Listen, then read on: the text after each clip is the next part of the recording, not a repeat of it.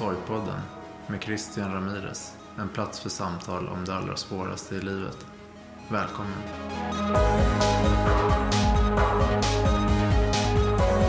Vi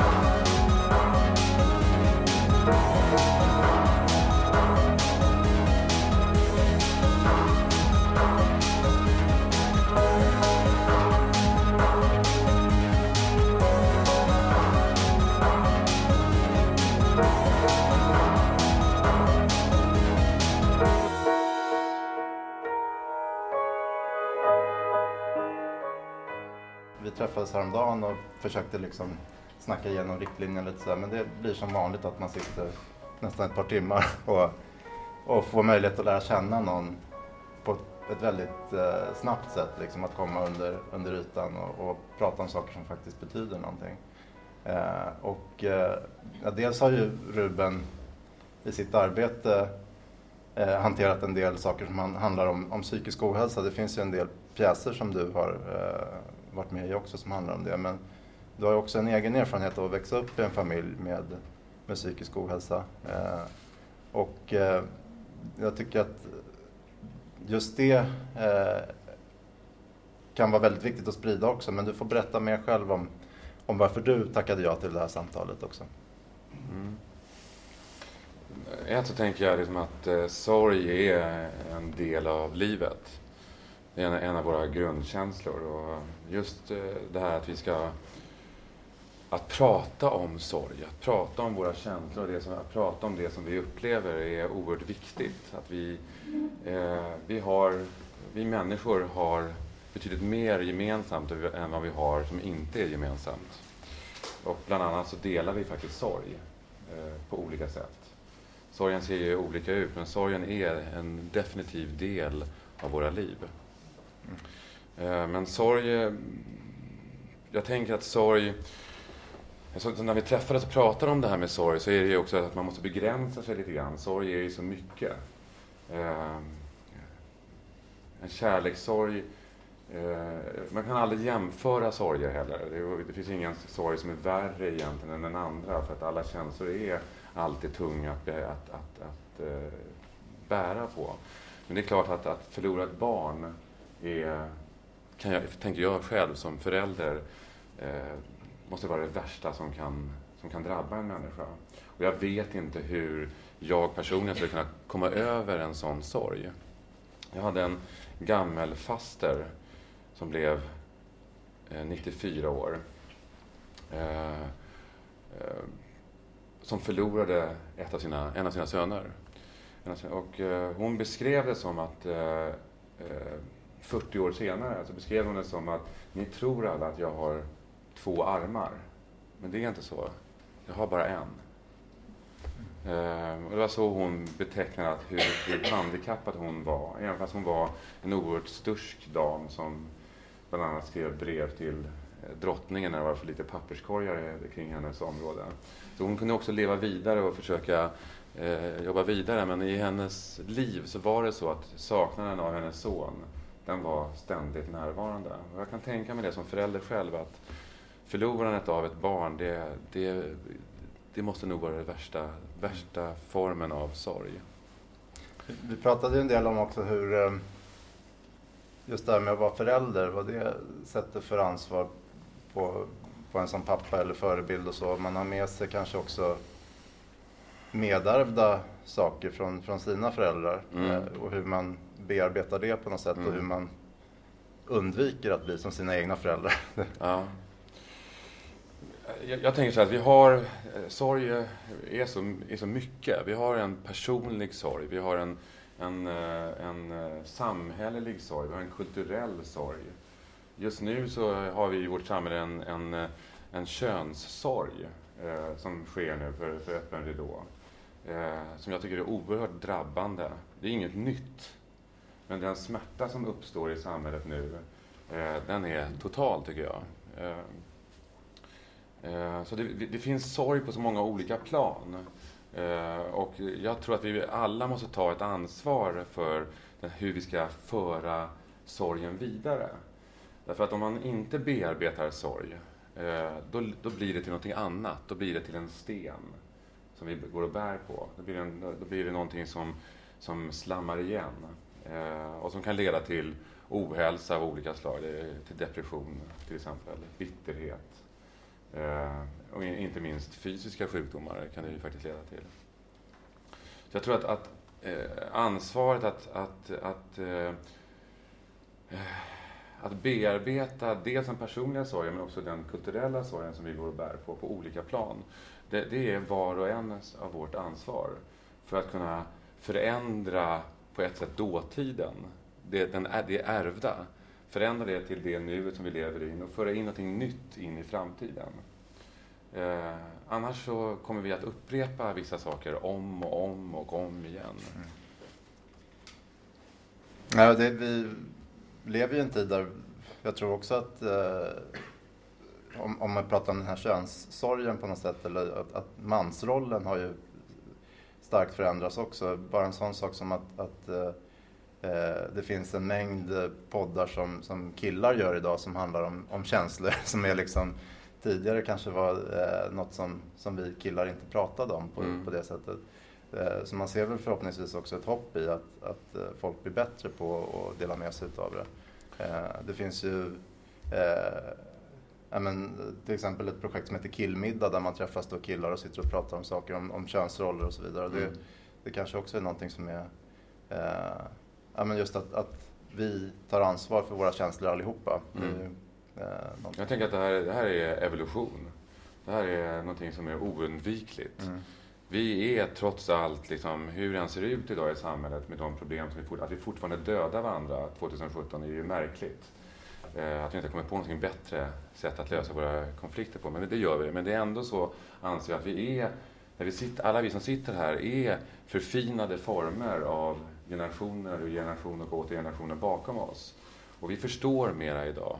Och en del av evolutionen är det här att jämställdhet är något som, måste, eh, som är självklart egentligen för att, för att mänskligheten ska kunna leva vidare. Eh, och jag tror att det här är eventuellt en, en, en, en start på det hela. Mm. det kan vara så, det kan man inte säga att det här är ett paradigmskifte, det kan vi inte säga nu när vi, om vi befinner oss mitt i det. Men det är en, en slags känsla av att det här är en, en fortsatt, en, den fortsatta delen på Guds skapelse om man ska ta in honom, hen i det här. Mm. Hur gör man rent eh, krasst då för att komma över, alltså att bearbeta sin sorg? Och när är man klar? Det är återigen vilken sorg det handlar om. Eh, och jag, jag, jag, kan tänka mig just att en, en viss sorg eh, blir du aldrig egentligen helt klar med. Mm. Men den kan vara, den kan ligga på olika nivåer. Eh, och eh, jag tänker också på även att våra sinnesstämningar. Ibland så vaknar vi upp på morgonen och man tittar ut genom fönstret och man blir drabbad av sorg. Eh, eh, så kan jag i alla fall känna mig. Alltså när man tittar ut. Och det, jag kan inte riktigt exakt säga vad det är. Eh, nedstämdhet kan vi tala om också. Men det finns någonting som jag känner som är någonting, eller om man åker tunnelbana eller man befinner sig ute i samhället så kan, man, kan jag också uppleva en form av sorg när man ser Eh, bristande möten eller bristande respekt. Eh, till exempel, det, där finns en, en, en, en mera övergripande sorg. Sen finns ju kärlekssorgen. Mm. Eh, och den kan ju, allting, tid tar tid. Mm. Eh, jag tror inte att man kan forcera eh, ett sorgarbete. Men däremot må, tror jag att vi måste vara vaksamma på att inte fastna i sorgarbetet. Mm. Därför då leder det till någonting annat. Eh, igår så väg jag ett par som skulle gifta, som gifte sig. Alltså. Eh, gjorde ceremonin och då pratade jag bland annat om, om kärlekssorg i ceremonin. För jag anser liksom att, att det är så att även kärleken eh, ena sida är, en, är sorg. Det blir så längs med vägen i tusamheten. Liksom, att, man, att det blir former av sorg och ibland så går man skilda vägar men man kan också försöka hålla, hålla ihop längs med vägen också. Ehm, eh, i, i, både den judiska och den muslimska traditionen så när man begraver någon så, så säger man nästa gång vi ses vi i glädje. Att, att, man, att vi ständigt påminner oss om eh, att eh, saker och ting är inte bara en sak. Det är inte bara på ett sätt i livet. Utan det är någon slags... Eh, det, eh, det, det, är dubbelt allting. Det det är inte bara på ett sätt. Och ju mer vi utvecklar den ena sidan så måste man utveckla den andra sidan också. Eh, det vill säga att det, det, det, våra känslor är, de är kontrapunktiska. Ju mer vi öppnar upp för sorgen, desto mer kan vi också öppna upp för glädjen, tänker jag. Mm. I vårt eh, sekulariserade samhälle idag, då, där man ser att man kanske inte har någon nära relation till religion i många fall, hur, hur löser man de bitarna då? För jag tror ju ändå att, att det finns en poäng i ceremonin, speciellt det som du pratar om då, när en människa har dött, att, mm. att man liksom stannar upp och, och det kanske är den enda gången man går till kyrkan egentligen mm. i, i vårt samhälle idag. Alltså egentligen så pratar jag inte om religion. Eh, utan jag pratar om någonting annat. Mm. Eh, som kanske är grunden för alla religioner. Eh, religioner är för mig någonting annat. Det är strukturer mm. som också måste förändras. Mm. Utan jag, jag, pratar om eh, det, det, är lite vanskligt att komma in på de där grejerna.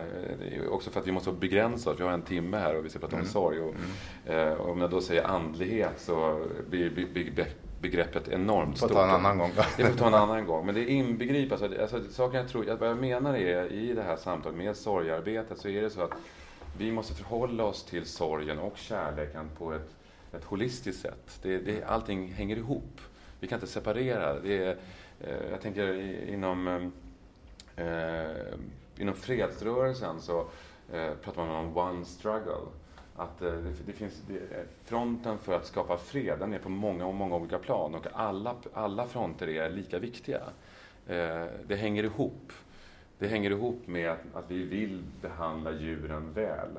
Eh, lika väl som att vi säger att nej, vi ska inte ha en armé längre. Vi ska lösa konflikter på ett annat sätt. De sakerna hänger ihop.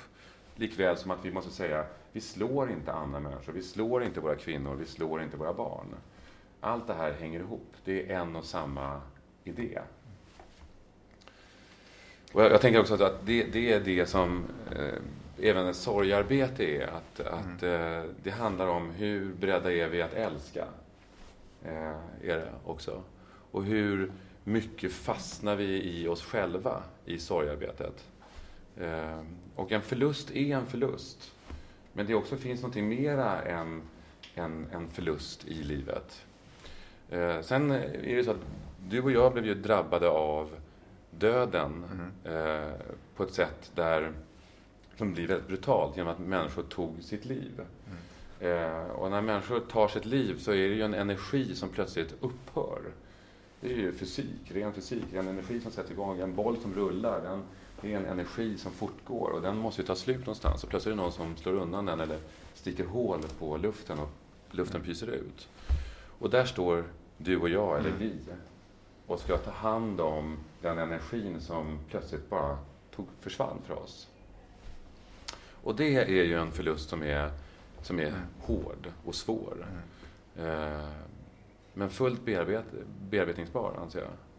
Ja, och då, då, pratade vi också om det här med förlåtelse som en steg, ett steg i det där. Och du, eh, för att bli personlig så, så sa du till mig att du kanske inte riktigt bearbetar eh, för att eh, jag nämnde det, liksom, hur, kan man någonsin förlåta en person som har tagit livet av sig? Just för att det är ett sånt stort, ja men en del mm. i, är, alltså det är ett sånt stort svek mot de som lever kvar på mm. ett sätt. Eh, men du sa det att det är ju liksom livsviktigt att göra det. Det är livsviktigt för dig. Mm. Det är livsviktigt för mig för att vi inte ska bära vidare den här människans olycka. Eh, vi gör oss själva en otjänst genom att inte förlåta mm. den här personen. Och enkelt kan man säga att i den stunden när en människa tar sitt liv så är personen inte vid sina sinnens fulla bruk. Eh, den personen är sjuk. Mm. Den har tappat hela idén med vad livet faktiskt är. Ehm, och, och bortsett från religion och det här som vi var inne på, så anser jag att, att liv, allt liv, är heligt. Eh, jag har inte rätt till mitt eget liv. Jag har inte rätt att ta mitt eget liv. Det är också ytterligare en diskussion. Eh, men jag anser det i alla fall, att, att jag är en del av, av oss alla här. Och om jag tar mitt liv så påverkar jag hela min omgivning på ett sätt som är oansvarigt. Liksom. Så att, så att eh, eh, ja, självmord är något extremt brutalt. Mm. Eh, och, och, i mitt fall så var det ju så att det var ju min mamma som först var eh, psykiskt sjuk under hela min uppväxt. Liksom. Och när jag var nio år så gjorde hon ett misslyckat självmordsförsök och sen låg hon 30 år som en grönsak på. Mm. Eh, så det var ju fruktansvärt och konsekvenserna blev ju enorma. Eh, framförallt för alla runt omkring. Eh, hon låg ju där. Mm. Eh, hon var ju en vuxen människa som gjorde sitt beslut och det blev väldigt, väldigt dåligt resultat eh, av sitt handlande. Men konsekvenserna blir enorma och jag tänker att det är det är, så, det är det egentligen jag syftar på i allt det här, vad vi gör. Att vi, det finns ingenting som vi gör som inte har konsekvenser för någon annan. Mm. Eh, och det är därför vi måste vara vaksamma på hur vi beter oss. Eh, från, alltså, nu, nu är vi, du, får, du får guida in mig om jag sticker iväg nu, men jag tänker att, att beteendet, hur vi beter oss, är alltifrån att hålla upp en dörr till någon, att inte bråka i kön på Konsum för att någon råkar ställa sig framför, till att visa respekt för någon som är sjuk, eller för Eh, Eh, alltså det är högt och lågt och det är de små sakerna som gör helheten. Mm. Och då när vi kommer till de här stora sakerna som att någon tar sitt liv, då är det ju enorma krafter som sätts i omlopp. Och, får, och enorma konsekvenser blir det. Och, och, i ditt fall så är det ganska nytt. Mm. Eh, det var två år sedan. Mm, lite drygt, ja. Lite drygt. Och jag tänker att den energin har ju inte avtagit Nej. på något sätt. För min del så är det ju så att eh, eh, jag tänker att, att jag har levt i ett liv, en livslång sorg i tron att det var det jag skulle bära med mig. Eh, min, inom citationstecken, olyckliga barndom. Eh, men det är ju inte sant. Mm. Det är inte sant. Det är bara en föreställning om att min barndom var lycklig, olycklig. Eh, eh, därför att det fanns massor med moment i min barndom som faktiskt var, var lyckligt. Mm. jag sitter faktiskt här idag och är en relativt funger bra, välfungerande människa. Så att någonting gick ju rätt längs med vägen. Mm. Och då är det ändå så att att, eh, här kommer vi då till det vi pratade om att bryta mönster mm. igen. Då, mm. att, eh, jag var ju utsatt både för fysiska och psykiska övergrepp och, och um, var fosterplacerad och allt sånt där. Och den här historien har vi hört. Eh, det, är, det, är, många som har vittnat om det här. Vi är många som delar den här historien. Eh, så, så där tänker jag inte gå in i detalj Nej. egentligen. Utan, eh, utan det är mera av att det handlar om vad är det vi gör med vår historia? Vad är det vi gör med den, det som vi blir utsatta eh, den, den utsatthet som framförallt våra barn blir. Ett barn är ju helt maktlöst. Eh, och det behöver inte vara så, så, brutala saker som självmord och övergrepp, utan bara, ja, nu ska föräldrarna skilja sig. Nej men, jaha. Och så måste barnet följa med på det, acceptera det. Eh, jag är själv skyldig till det. Men det är någonting som vi måste också prata om och lyfta upp till ytan. För att den här sorgen, det, här, det som blir den här stenen som vi går och bär på, inte ska föras vidare in, in i framtiden. Mm. Utan det här är någonting som måste bearbetas, öppnas upp, genomlysas och vi är ansvariga för det. Framförallt vi föräldrar. Mm. Eh, hjälpa till här med våra, eh, för våra barn att, att uttrycka sina känslor i sådana här svåra lägen. För det blir en förlust. Ja, om man inte bearbetar det så kan det dessutom bli en ganska ackumulerande effekt. Jag menar, det kan ja. vara en, en, en, liten grej som utlöser det i slutändan. Om det är så att man pratar om depression och annat. Så det, Till exempel, ja. eh, att, att summan av sorgerna kan bli för tung att bära. Men Ja. det kanske inte är... Och där är det väl absolut det som du pratar om, viktigt att, att möta medmänniskor. Man vet inte alls vad, vad de har, eh, vad de går och bär på egentligen. Nej. Och det kan ju vara... Eh, och samtidigt när tanken löper fritt där, men, men just det här med eh, att man själv har burit på sorg då och hur man blir bemött själv. Och det var en av anledningarna till att jag startade det här projektet egentligen med Sorgpodden. För att eh, det finns folk som är otroligt duktiga på att möta folk i sorg. Eh, Medan andra känner att det är väldigt obekvämt. Mm. Och, och den som bär på sorg kan ju också tycka att det är obekvämt att liksom dela med sig utav det. Mm. En känsla av att, och speciellt då när det handlar om självmord till exempel, att man känner att när jag öppnar den boxen på något sätt, när jag berättar det för någon som jag inte har berättat det för, så blir det på något sätt att man känner sig som en jobbig jävel. Mhm. Det, Mhm. eh, Hur, hur då? Vad är, vad är det som händer då? Alltså, nej, men att, att, att eh, just eh, den, den första tiden särskilt då efter, när, när det kanske inte är så bearbetat heller och, och det finns en poäng i att, att älta, att liksom berätta för så många som möjligt. Mm. Kanske till och med så att man berättar det för allt för många människor. För att man på något sätt måste släppa, släppa det ur sig. Mm. Eh, att det finns en, en eh, att man kan föreställa sig att den personen som tar emot det kanske inte alls känner att man är en jobbig jävel utan att det, det är jag själv som känner det. När, när Så är det i rätt många fall och där måste vi också växa på det sättet att vi måste låta eh, lita på att den andra kan ta ansvar Mm. för sig själv också. Och Mm. det är också någonting som är rätt viktigt. Och jag, men jag tänker också att det finns något väldigt skamligt också med eh, Ja, men det är ett själv- stigma också på Ja. ett sätt i samhället. Så här. Sen är det ju olika kulturer. I vissa kulturer så är ju döden och sorgarbetet betydligt mer närvarande, till exempel i, i vår kultur, den svenska kulturen. Ehm, men samerna har ett helt annat förhållningssätt till, till döden än vad den svenska kulturen har. Där har man ett mycket mer eh, direkt sätt att förhålla sig till, till döden. Ehm, men jag tror liksom att egentligen så är det så att alla vi är kapabla att ta emot eh, varandra. Eh, det är bara det att vi liksom har inte upptäckt det ännu. Och det är det vi ska upptäcka allihopa för att kunna förändra vårt samhälle. Eh, ja.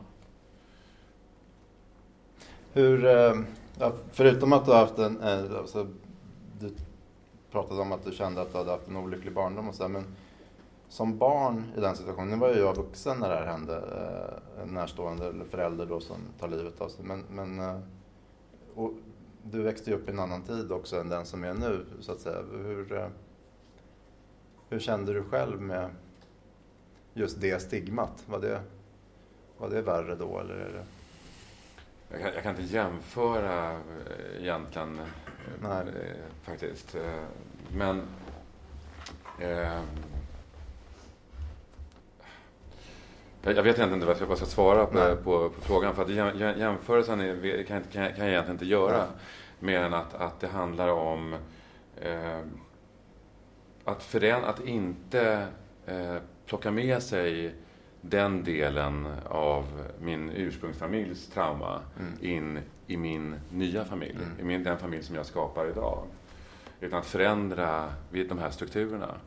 Mm. Eh, att, ha en, att ha en större öppenhet, att vara mer vaksam på ja, inte minst min genetik. Mm. Eh, att inte att, att, att eh, försöka stävja vissa, vissa sammanhang som kan vara olyckliga, liksom, inte minst. Mm. Eh, ja, Det var ett bra svar på en grundlig fråga. okej. Nej, men, och, och där är väl också, menar, dels eh, som förälder generellt så är det väl så att man försöker bryta mönster. Men jag tänker också när man har en, en eh, rent genetisk historik av, av eh, depression eller av, av bipolaritet i familjen. Det är väl också någonting som, som du funderar på hur man... Ja, men allting är inte genetik Nej. heller. Utan, eh, vi, idag finns det något som heter epigenetik också. Och vi vet att vi har vår, vår, vårt DNA, men vi också att vi vet att, att eh, den sociala omgivningen faktiskt kan påverka våra gener. Det är en forskning som är precis i början. Liksom. Mm. Jag tror att det är väldigt många komponenter som styr hur vi mår eh, och hur vi utvecklas. Och jag är övertygad om att vår idé, eller idén om att vi ska medvetengöra oss om allting ständigt och jämt i alla situationer. Det är det som gör att vi kommer förändra eh, vår kultur, vårt, vårt sammanhang. I smått och i stort. Och det kommer ta tid, eh, såklart. Mm. Men vi är... Jag, jag, jag, jag tänker mig själv som att jag är en del av en förtrupp eh, av, i förändringsarbetet. Med alla de fel som jag går och bär på, alla de brister som jag går och bär på. Men det handlar om att vi måste medvetengöra det. Jag måste, jag måste medvetengöra mig själv som, mam, som man, som pappa, som vän, som kärlekspartner och så vidare. Hur, hur vill jag att världen ska se ut? Eh, och där är ingen människa en ö, utan vi, vi hänger ihop allihopa. Vad du gör hemma hos dig, det påverkar även mig, är jag övertygad om. Det finns inga dörrar som kan stängas. Det påverkar mig på ett eller annat sätt, förr eller senare. Det är därför jag anser också att, att, våld, att, våld, att det är så viktigt med att stävja... Oj, inte nära där. Att det är så viktigt att, komma, att stävja våldet. Därför allt våld påverkar oss på ett eller annat sätt. Hela tiden. På alla plan. Mm. Mm. Uh, nu vet jag, du, du nämnde för mig att du nyligen hade varit på en begravning. Så där, uh, eh, och att det går ju så mycket snabbare på något sätt också i den judiska traditionen. Att, mm. uh, vad, ja. Judar och muslimer begraver inom ja, väldigt snabbt. Jag har ju samma egentligen från, från min chilenska sida då, pappa. Mm. Han, där ska det också gå väldigt fort. Man har en, en snabb liksom vaka och sen så är det över inom ett par dagar så där i princip. Mm. Uh, Medan vi på något sätt i den svenska traditionen, nu låter det som att folk skjuter på det flera månader till ja. och med kanske för att man inte hittar ett datum som passar. Uh, Precis, det blir frystorkat. Ja. ja. ja det, det, det, det, det, det, det, är en, det är någon slags byråkrati också mm. som har hamnat som, som, som inte är speciellt eh, bra tror jag. Liksom. Eh, just när det gäller den, i det här fallet då med Dan som dog 53 år gammal i cancer för två veckor sedan. Eh, så finns det ju någonting eh, vackert i sorgarbetet där. Att eh, det praktiska sker ganska snart. Alltså han dog på fredagen och på söndagen så begravde vi honom. Och sen så har man sju dagars shiv, heter det, där man sitter, man, täcker, man tar bort alla tavlor, man sitter på golvet och man sitter och pratar och äter och pratar om den döde. Mm. Men man pratar också om andra saker, man, pratar, man låter livet komma in i sorgen. Eh, och eh, det är också det som jag, som jag tror är viktigt att i, i sorgarbete att låta, att man, det är också så att vi skrattade jättemycket mm. faktiskt. Man påminner sig om situationer tillsammans med Dan, situationer, andra situationer också. Och det är en del av sorgearbetet tror jag. Att tillåta den att smyga sig in. Mm. Att inte låta sorgen stagnera och bli till, en, till en, eh, den här stenen som jag talar, talar om. Och sen är, det för, sen är det för olika hur nära man var såklart och hur mycket man delade. Som gör hur, hur, hur man kommer vidare. Mm. Eh, ja, så, så tror jag att det är. Mm, ja, men där är ju just eh, det här med att, att, skratt och gråt ligger så nära varandra och tangerar varandra. Där, mm. eh, och som pappa har jag känt det också, det ansvaret att visa att man faktiskt får vara så pass nära de känslorna. Eh, att det kan vara... Så där tror jag att man har en, en jätteviktig roll att uppfylla också, att just visa att det, det är tillåtet att både skratta och gråta. Mm. Eh, och just att dela minnen om den här personen eh, som kan vara dråpliga och liksom mm. att det är en del utav bearbetningen, absolut. Det...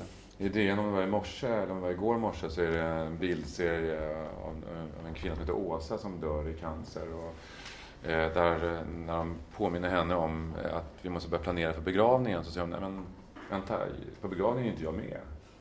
eh, jag vill planera en fest, ja, en slutfest. Ja. Och, och så gjorde de det. Eh, och fotograferar. Och det, det finns någonting otroligt, det, är, det är så otroligt vackert och, och, så otroligt sorgligt. Men det är en sorg i, i de bilderna som är som är i allra högsta grad levande och som för någonting vidare, som är någonting annat än än begravning. Eh, jag tänkte att det där är, det där är eftersträvansvärt. Eh, och det finns ju sådana traditioner. Det finns ju sådana i Asien liksom, där man eh, med så här eh, mästare som faktiskt känner att ah, nu är jag på väg att dö och då gör de en ceremoni och sen lägger sig mästaren ner och dör. Eh, alla har vi inte den turen eh, eller den nivån på medvetenhet men det finns ju faktiskt. Mm. Mm. Nej, och det kan man känna också när man är just på en begravning så här efteråt. Att, att den personen som det handlar om, som inte är med, borde ha varit med. Ja. Just för att stämningen är så god och man, man talar om goda minnen om den personen och skrattar Mm. mycket. Och, eh, nästan lite festlig stämning. Ja. Men där kan jag också tänka ibland att eh, vad vi säger till varandra och vad vi inte säger till varandra.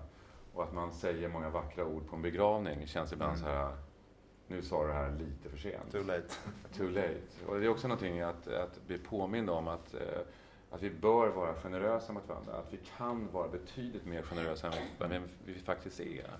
Och det är ganska enkelt. Och det är också ett sätt att förändra våra strukturer eh, idag. Mm. Och det, det också ger utrymme just för till exempel att prata om död och sorg och, och så. Mm. Nej men det är, det är viktigt, absolut, att prata om. Ehm, jag tänker, din, eh, din pappa var ju då bipolär och eh, hur, hur är det att växa upp med liksom den, det kaoset? Upp och ner. Upp och ner. Milt uttryckt kan man väl säga. Ja. Alltså, jag hade ju oturen att båda mina päron, båda mina föräldrar Ja. var ju psykiskt sjuka. Liksom, och, ehm, eh, det, det, det var ju bad, bad luck, kan man säga. Hamna mellan de två. Eh, ja, vad, hur... eh, jag tänker så här, det, det finns någonting, jag vet inte, vad, vad är det du vill veta alltså, kring hur det är att, att leva med en bipolär människa? Kanske snarare landa i vad, vad du tar med dig för saker som du själv liksom, ja, hur man, Ja, eh, enkelt kan man väl säga att försöka hitta eh, en betydligt mer balanserad tillvaro. Är det ju. Mm. Eh, att den här berg och dalbanelivet var ju förskräckligt för ett barn. Det var ju så att jag kunde ju aldrig veta vad det var som, som gällde. Mm. Någonsin. Eh, ena, dagen, ena dagen kunde jag vara ett geni, andra dagen så var jag utkastad Mm. hemifrån. Eh, Så det är klart att det, det, det, det, om det är någonting som jag önskar ge till mina barn så är det ju eh, en större balans. Ehm, och det är ju eftersträvansvärt. Det kan man jobba på hela sitt liv. Ehm, att hitta en balans. Och det är det vi ska nog göra. Liksom. Ehm, och sen så tror jag, jag återknyter till det här med kärleken. Att eh, just när det gäller till, till våra barn så är det ju den enda egentliga uppfostringstekniken som, det, som finns, eller som, som gäller, det är ju reservationslös kärlek. Punkt. Ehm, och att, att, att längs med vägen också förstå att, att jag är människa och därmed också måste be om ursäkt mellan varven. Kan du känna att du fick med dig några superkrafter av att leva det där? Alltså, jag pratade med Boel eh, som överlevde tsunamin men blev av med hela sin familj. Mm. Eh, och hon upplevde på något sätt att hon, hon blev jäkligt duktig på att möta folk i sorg. Mm. Liksom. Eh, finns det någon motsvarande? Eh, Jag skulle inte benämna det som superkrafter. Nej, men utan jag, jag tror att det här är någonting, jag, jag tror att eh, barn som utsätts för övergrepp eh, på olika sätt, eller när vi blir traumatiserade, så, så blir vi på ett sätt överkänsliga. Vi skapar en slags överkänslighet. Ehm, eh, Jag hade under väldigt lång tid i mitt liv en överkänslighet mot vissa människor som jag upplevde var Oh, här är det en energi som jag känner igen som är djupt obehaglig. Eh, och eh, det handlar ju om för mig att medvetengöra mig genom olika former av terapier. Eh, eller också att jag är, eh, sedan många, många år tillbaka, nästan 20 år, att jag mediterar. Mm. Eh, att det handlar om att balansera upp det här, den här överkänsligheten. För den här överkänsligheten, du säger du pratar om superkrafter, den, den kan också leda till Ja. olycka också. Att man tror att man är, har vissa, en viss kapacitet som kanske inte riktigt överensstämmer med verkligheten därför att det är en form av allergi egentligen va, av, för, för tillvaron. Men det är också så att jag är inte rädd för döden. Mm. Eh, jag är inte alls rädd att, att dö. Eh, döendet är någonting annat. Eh, processen att, att, eh, att framförallt att bli eh, sjuk. Mm. Den, den, eh, den är ångestladdad. Eh, men det tror jag också är helt naturligt. Att bli inkapabel, det är, vem vill bli det? Mm. Men där finns också någonting, att, att bli inkapabel längs med vägen. Det handlar också om att, att medvetengöra sig. Jag, jag vet människor som har blivit handikappade och, och, de, och deras livsgnista har bara blivit än större. Och man tänker, wow, nu, du, har inga, du har varken armar eller ben, du kan inte röra dig, du kan blinka. Mm. Och ändå så känner man att energin är ännu större än när eh, vi sprang och spelade fotboll. Mm. Eh, så det där är, det handlar om, det handlar om nå, någonting annat också. Men, men jag, jag tror att det är så att, att eh, trauman gör att vi får det du kallar för superkrafter, eller en slags överkänslighet. Eh, och eh, jag upplever till exempel att jag i relationer eh, till döden till exempel är orädd och jag är inte rädd att möta människor som är sjuka eller människor som är döende. Och Dan till exempel, vi hade fantastiska samtal på slutet uppe på Karolinska på Radiumhemmet. Eh, och en del kan jag ta åt mig just för, för att jag känner att jag, eh, jag dolde inte för honom att jag var medveten om att, att jag vet att du ska dö snart. Eh, och det gjorde att han kunde också öppna sig på ett annat sätt. Eh, han behöver inte ta ansvar för mig. Men däremot så känner jag nu när jag pratar om det att jag, att jag, blir, att jag blir rörd. Va? Eh, för att det var väldigt, väldigt fint. Eh, och ett samtal kommer jag ihåg, så kom hans rad, radiolog kom in. En, kom från Italien och hade en, bara det var helt animerat. Att hon, hon bröt, hon pratade perfekt svenska men bröt kraftigt på italienska. Så här, och var, hade hela den här energin, vilket gjorde också att hela situationen kom in. Jag satt vid Dans sängen och vi började prata om, om livets storhet och även om gudomligheten. Och så frågade jag henne, för Dan eh, hade flera gånger sagt att Nej, men jag är ateist. Eh, jag är inte ateist, Ruben är inte ateist, jag har en tro. Eh, och så frågade jag den här radiologen, hur är det med dig då? Har du någon tro? Radio, jag är radiolog, jag jobbar med ljuset. Det är klart att jag har en tro. Så det var, det var, det var lite vackert. Liksom. Och där har man också, det samtalet eh, känner jag också, på det sättet så lever ju dagen vidare.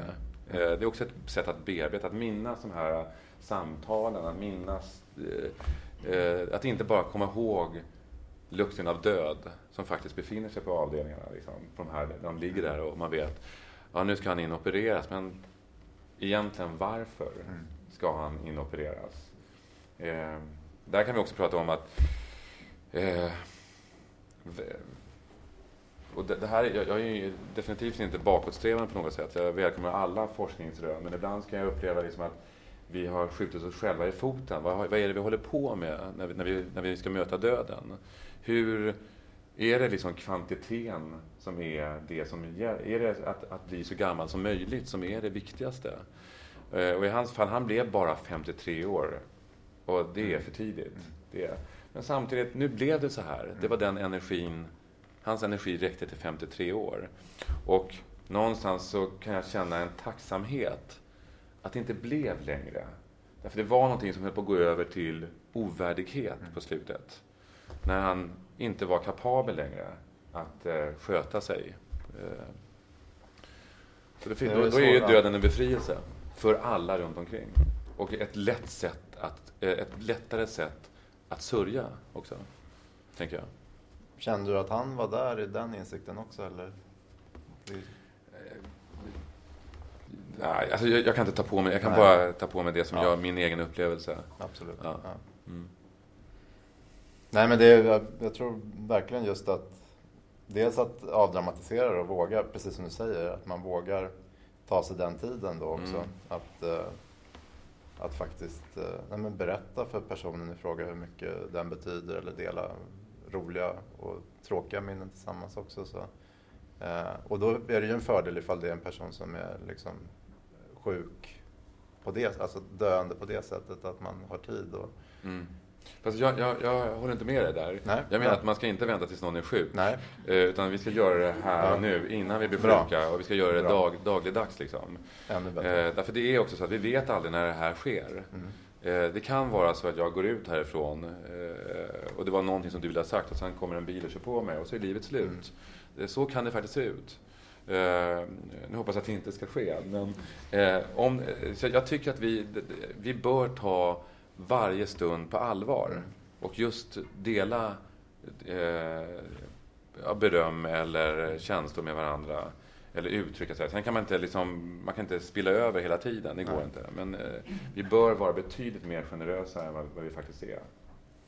Ja, men du sa det när vi pratade senast, just det här med det svenska sättet att säga hej då till varandra. Att man typ inte nästan gör utan man... Medan det finns då en annan våg, alltså ett, ett annat sätt att säga det på, att man Mm. i princip nästan går ut, utgår ifrån att, att man aldrig mer får möta den personen Nej. som man säger hej då till. Ja. Och Det är en balans. Det, ja, det är verkligen en balans. Får jag be- berätta, berätta det som du berättade om din bakgrund med din pappa och så? Ja, Eh, I det samtal vi spännande. hade... Vad kan det här bli? nej, nej, men eh, jag tänker hur Ja. vi ärver våra, också ärver våra trauman. Ja, just det. Ja. Eh, och att man tar med sig någonting för våra föräldrar. Och, eh, Mm. Din pappa hade upplevt eh, fascismen i Chile Mm. och hade flytt hit och hade upplevt att, man, att folk försvann. Och vilket också gjorde att, att, att så fort du inte fanns i närheten Mm. så blev reaktionen en Mm. överreaktion, apropå det här superkrafter. Mm. Han var ju traumatiserad Mm. och du var i skogen och lekte och Mm. när han inte hittade dig så fick du en utskällning. Mm. Eh, och han gjorde ju det av kärlek. Eh, men det egentligen var det så att han hade ju inte bearbetat det hela. Han borde egentligen sagt att pappa blir väldigt orolig när du... Och samtidigt är det så här, och så pratar vi om våra barn. Jag, har, jag känner också igen det här. Va? Eh, oron över att, att, att, eh, att inte våga släppa mitt barn. Och samtidigt är det så, det är, det är det vi måste göra. Det är ju hela processen av barnuppfostran. Det är ju att vi måste ju, det är ju en förberedelse på att släppa iväg dem. Mm. Men det finns någonting av eh, också någon slags eh, urkraft i det här, att faktiskt vara rädd om sitt barn. Mm. Eh, att eh, när man säger farväl till någon så finns det någonting att det finns en möjlighet att vi faktiskt aldrig ses. Nej. Eh, jag tycker inte att det är att dramatisera tillvaron. Jag tycker att det är att ta livet på allvar. Det finns en värdighet att man säger adjö på riktigt. Mm. Jag tror inte på människor som säger ja, tja, vi ses. Och så har det ingen betydelse. Jag tror att det är, är tvärtom, att där är någonting som är låst. Mm. Så det, det är såklart att det är en balansgång. Eh, Jag tänker när, när mina, eh, stor, mina stora barn nu, eh, när de fick gå ut, vara ute så här till ett på natten och givetvis så skulle de ju skjuta på gränserna och kom liksom typ tio i två. Och där satt ju jag och när de öppnade dörren så fick de ju en sån jävla utskällning. För att jag hade ju varit på väg att, att ringa till polisen redan. Mm. Tills jag lugnade ner mig och kunde då förklara att det här handlar om min oro. Det handlar om att jag under de här 50 minuterna som du inte kom hem har ju sett att du har blivit nedstucken, slagen eller gjort någonting annat eh, har hänt. Liksom. Och det gjorde ju att den dialogen gjorde ju att det här Eh, nu höll jag på att säga att det skedde inte igen. Det är klart att det gjorde lite grann, men inte på samma sätt. Eh, utan det, det fanns en kommunikation på ett annat sätt. De kände sitt ansvar för att mitt liv också skulle vara drägligt. Så det handlar om att ge och ta hela tiden. I mitt fall så var det ju barnens mamma som såg till att, att eh, liksom rubba på mina... För att jag kunde ju verkligen ha tusen skäl för att vår äldsta son inte skulle gå själv till skolan från Kronobergsparken ner till, Ja. till nedre Kungsholmen. Eh, Det fanns ju bilar och det fanns folk och det var liksom... Så när jag var bortrest så såg hon till att, att gå med honom till skolan istället. Ja. Eh, Eller att, att han fick gå själv och att hon gick bakom så att säga. Ja. Ja, Hon var med på vägen? Ja, precis. Ja, bra. Ja. Jag blir lite, oro, jag blir lite, jag blir lite orolig där. Nej, för att jag kunde liksom inte släppa det och då, då blir det också på ett sätt så här, vad är det i, i det som... Och det är klart att, det pratade vi också om, det finns ju en massa reella faror i det, Mm. absolut. Och, men jag siktade ju in mig på dem med en dåres, eh, liksom, för att jag kunde ju säga precis vilka korsningar som var farliga och visste Mm. precis vilka. Och sen klarar han det där galant. Mm. Och idag sitter han och, och åker tunnelbana över halva stan liksom, fast han är 11. Men alltså precis, alltså, alla de här, det här som vi pratar om nu, det är ju grundkänslor. Ja. Och det här är ju som ur, en urintuition som du också Mm. tar upp, liksom, som är delvis lite ärvt och lite traumatiserat Mm. på grund av din pappa då. Men det här är ju ändå, eh, när vi sorterar lite grann i det hela, så Mm. finns det ju inget fel i att du är orolig för att din son ska gå över gatan. Mm. För det är, ju, det, är ju, det är ju reella faror. Bilar är ju faktiskt dödliga om man blir påkörd. Så det, det, det är ju inget konstigt alls, Mm. tycker jag.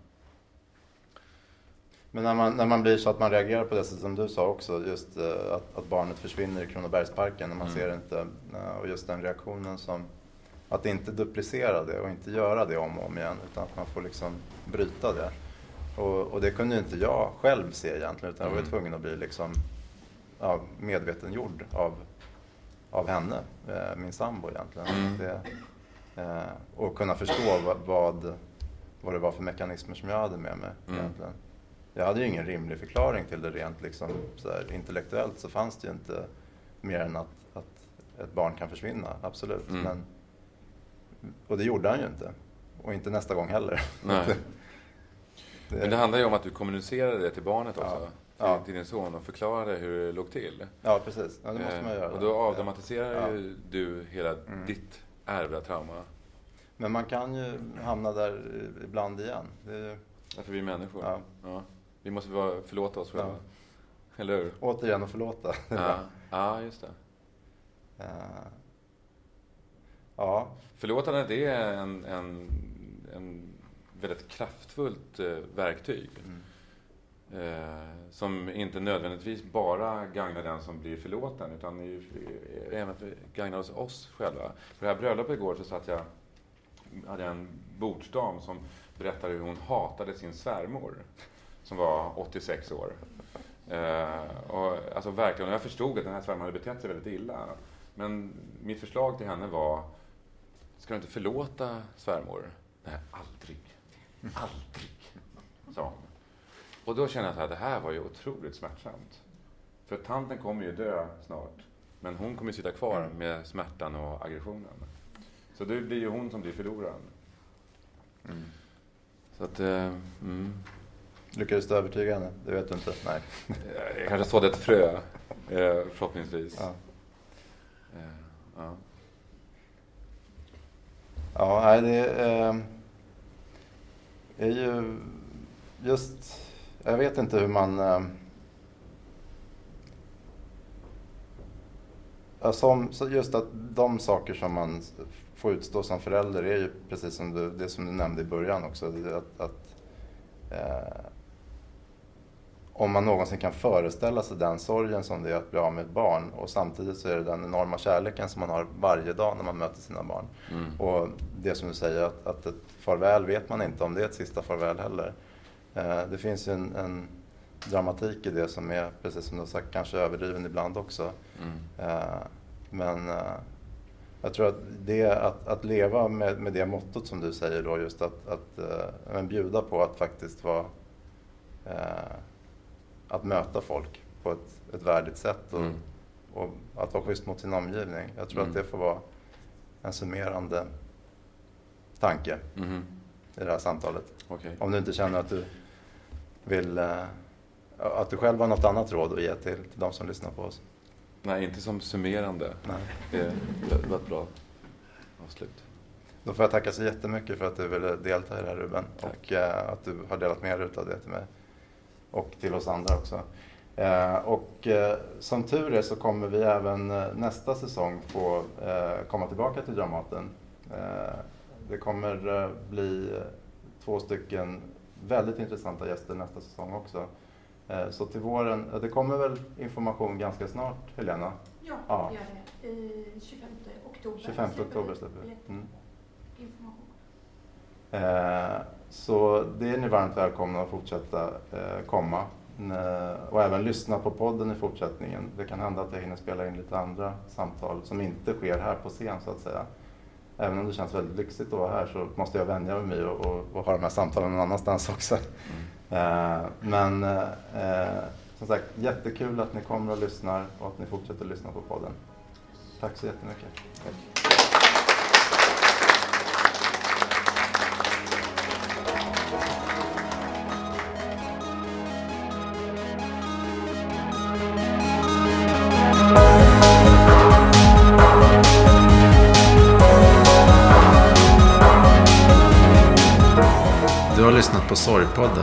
Christian Ramirez. En plats för samtal om det allra svåraste i livet. Tack för att du lyssnar.